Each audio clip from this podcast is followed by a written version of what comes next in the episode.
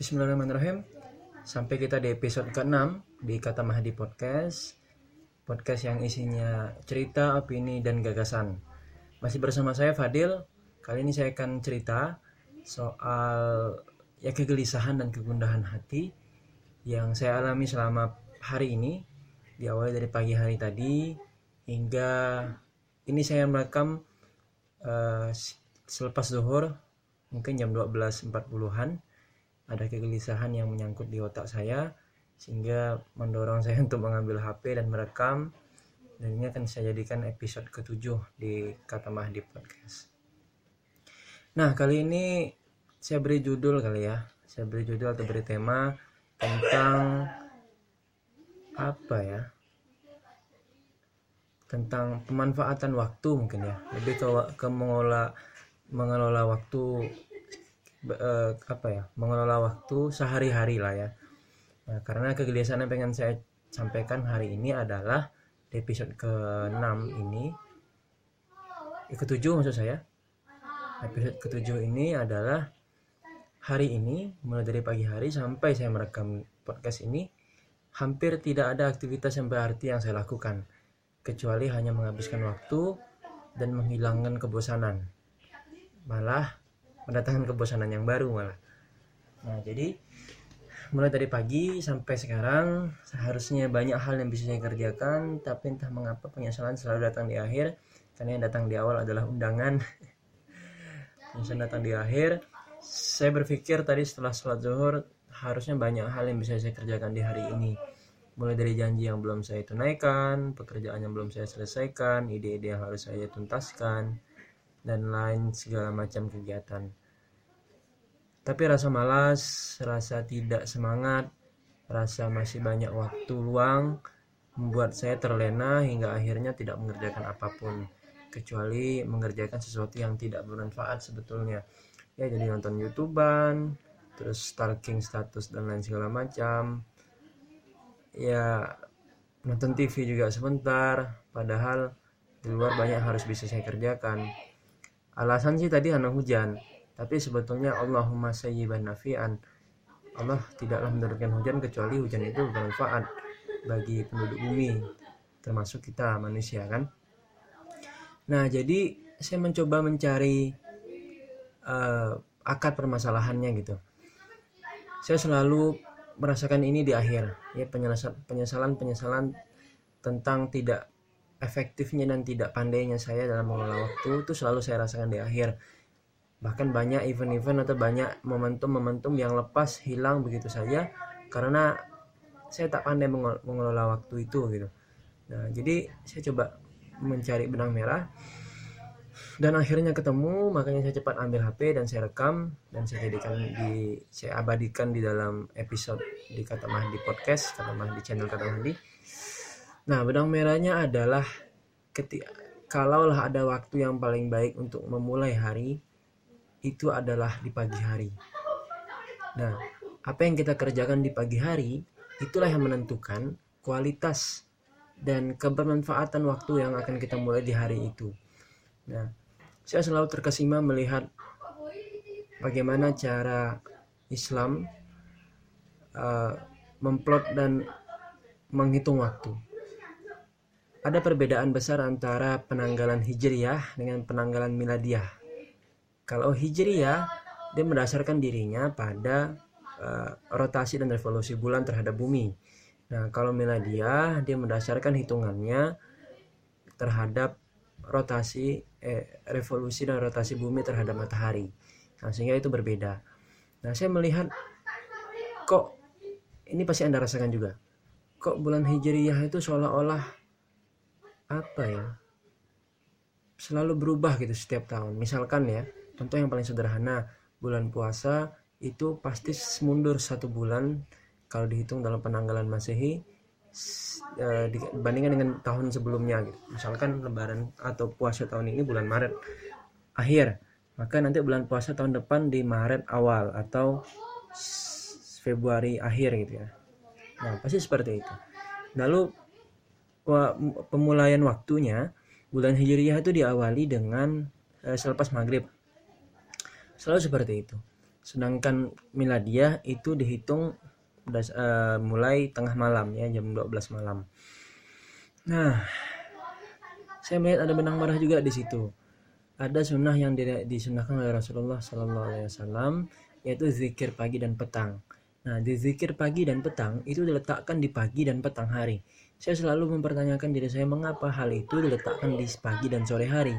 Ternyata dalam Al-Quran kalau anda baca banyak terjemahannya baca banyak uh, terjemahan versi Depaknya lah ya karena memang itu yang saya baca di pagi dan sore hari itu termasuk salah satu ayat-ayat kauniyah Allah atau bisa dibilang tanda-tanda kebesarannya itu banyak kali Allah mengatakan Allah yang memasukkan siang ke dalam malam malam ke dalam siang lalu membuat perumpamaan-perumpamaan pagi dan siang siang dan pagi malam dan siang maksud saya siang dan malam gitu Nah, ternyata terbit dan terbenamnya matahari itu adalah salah satu kekuasaan yang harus kita akui dan harusnya menambah keimanan kita, menambah kita menjadi manusia yang lebih produktif, lebih menghasilkan, lebih bermanfaat, tidak berlaku zolim terhadap diri kita ya.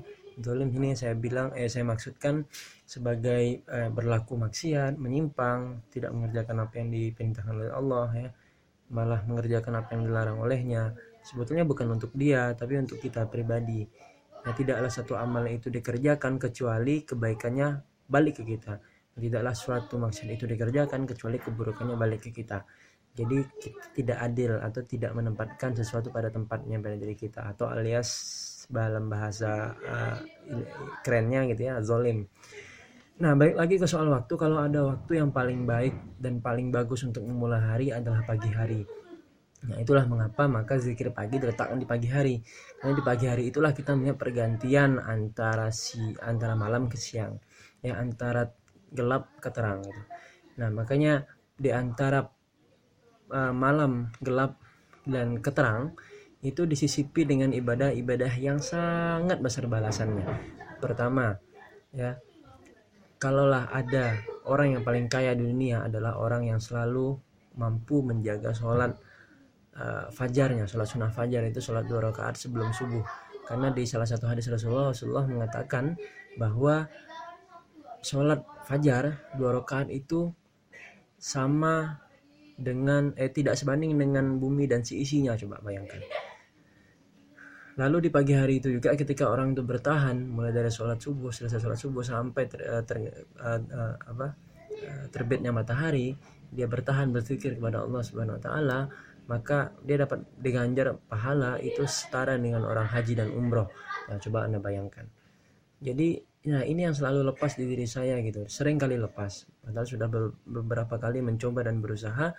Nah, oleh karena itu tolong doakan saya untuk selalu istiqomah menjaga subuhnya ya, mulai dari sholat tahajud ya karena saya sudah berusaha untuk selalu sholat tahajud tapi sering banyak bolongnya daripada dapatnya. Nah, sampailah terbe uh, terbit matahari dan melakukan aktivitas semua diawali dengan di pagi hari. Ketika di pagi hari kita semangat, ketika di pagi hari kita mulai dengan senyuman, positive thinking, husnuzon, dan kita merencanakan hari dengan baik, maka siang, sore, malam itu akan berjalan dengan baik dan mulus. Nah, kebalikannya ketika di pagi hari kita gunakan untuk hal yang tidak bagus, yang tidur kembali, maksiat, lalu uh, bermalas-malasan, maka akan berdampak di siang, sore, dan malam harinya. Dan hari itu akan menjadi hari yang paling buruk. Dan itu yang saya selalu sesali dan selalu saya sesalkan di akhir. Nah, jadi kesimpulannya adalah perbaikilah pagi hari kita. Ini nasihat untuk saya pribadi ya. Silakan kalau Anda yang dengarkan Anda pengen terapkan juga boleh, tidak juga tidak masalah.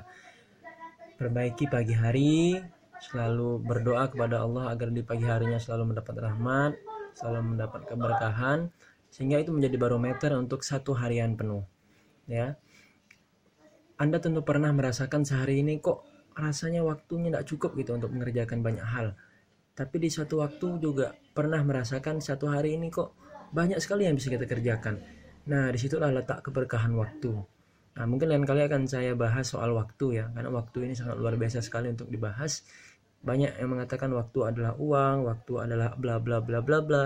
Tapi menurut riset oh ini riset kecil-kecilan yang saya lakukan tapi subjektif ya sifatnya. Ya waktu adalah hidup kita. Kalau bahasa Imam Ghazalinya beliau mengatakan your time is your life. Hidupmu adalah waktumu. Nah jadi ketika kita bisa memanfaatkan waktu maka ya beruntunglah kita sebagai manusia gitu. Nah saya sekali lagi ya uh, semoga kita bisa menjaga waktu pagi kita. Dan seperti saya di hari ini saya siang hari ini sangat-sangat menyesal karena saya bisa baru bisa mengerjakan hal-hal yang tertunda yang harus saya tuntaskan di siang hari ini yang harusnya saya bisa kerjakan pagi tadi.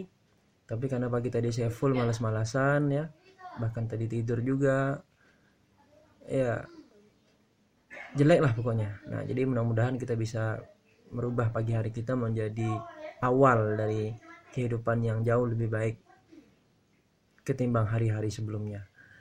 Ya sampai ketemu di di podcast podcast selanjutnya. Ya tetap mendengar, tetap mendengarkan kata Mahdi. Kalau anda suka kalau tidak suka ya silahkan. Saya tidak memaksa. Kalau bermanfaat silahkan disebarkan ke teman-teman yang lain. Cukup sebarkan link t titik atau dot me me garis miring kata Mahdi saya ulangi cukup sebarkan link t dot me me garis miring uh, kata Mahdi. Nah, semoga kita bisa saling bermanfaat, saling mengisi simbiosis mutualisme. Sampai ketemu di channel dan episode selanjutnya. Assalamualaikum warahmatullahi wabarakatuh.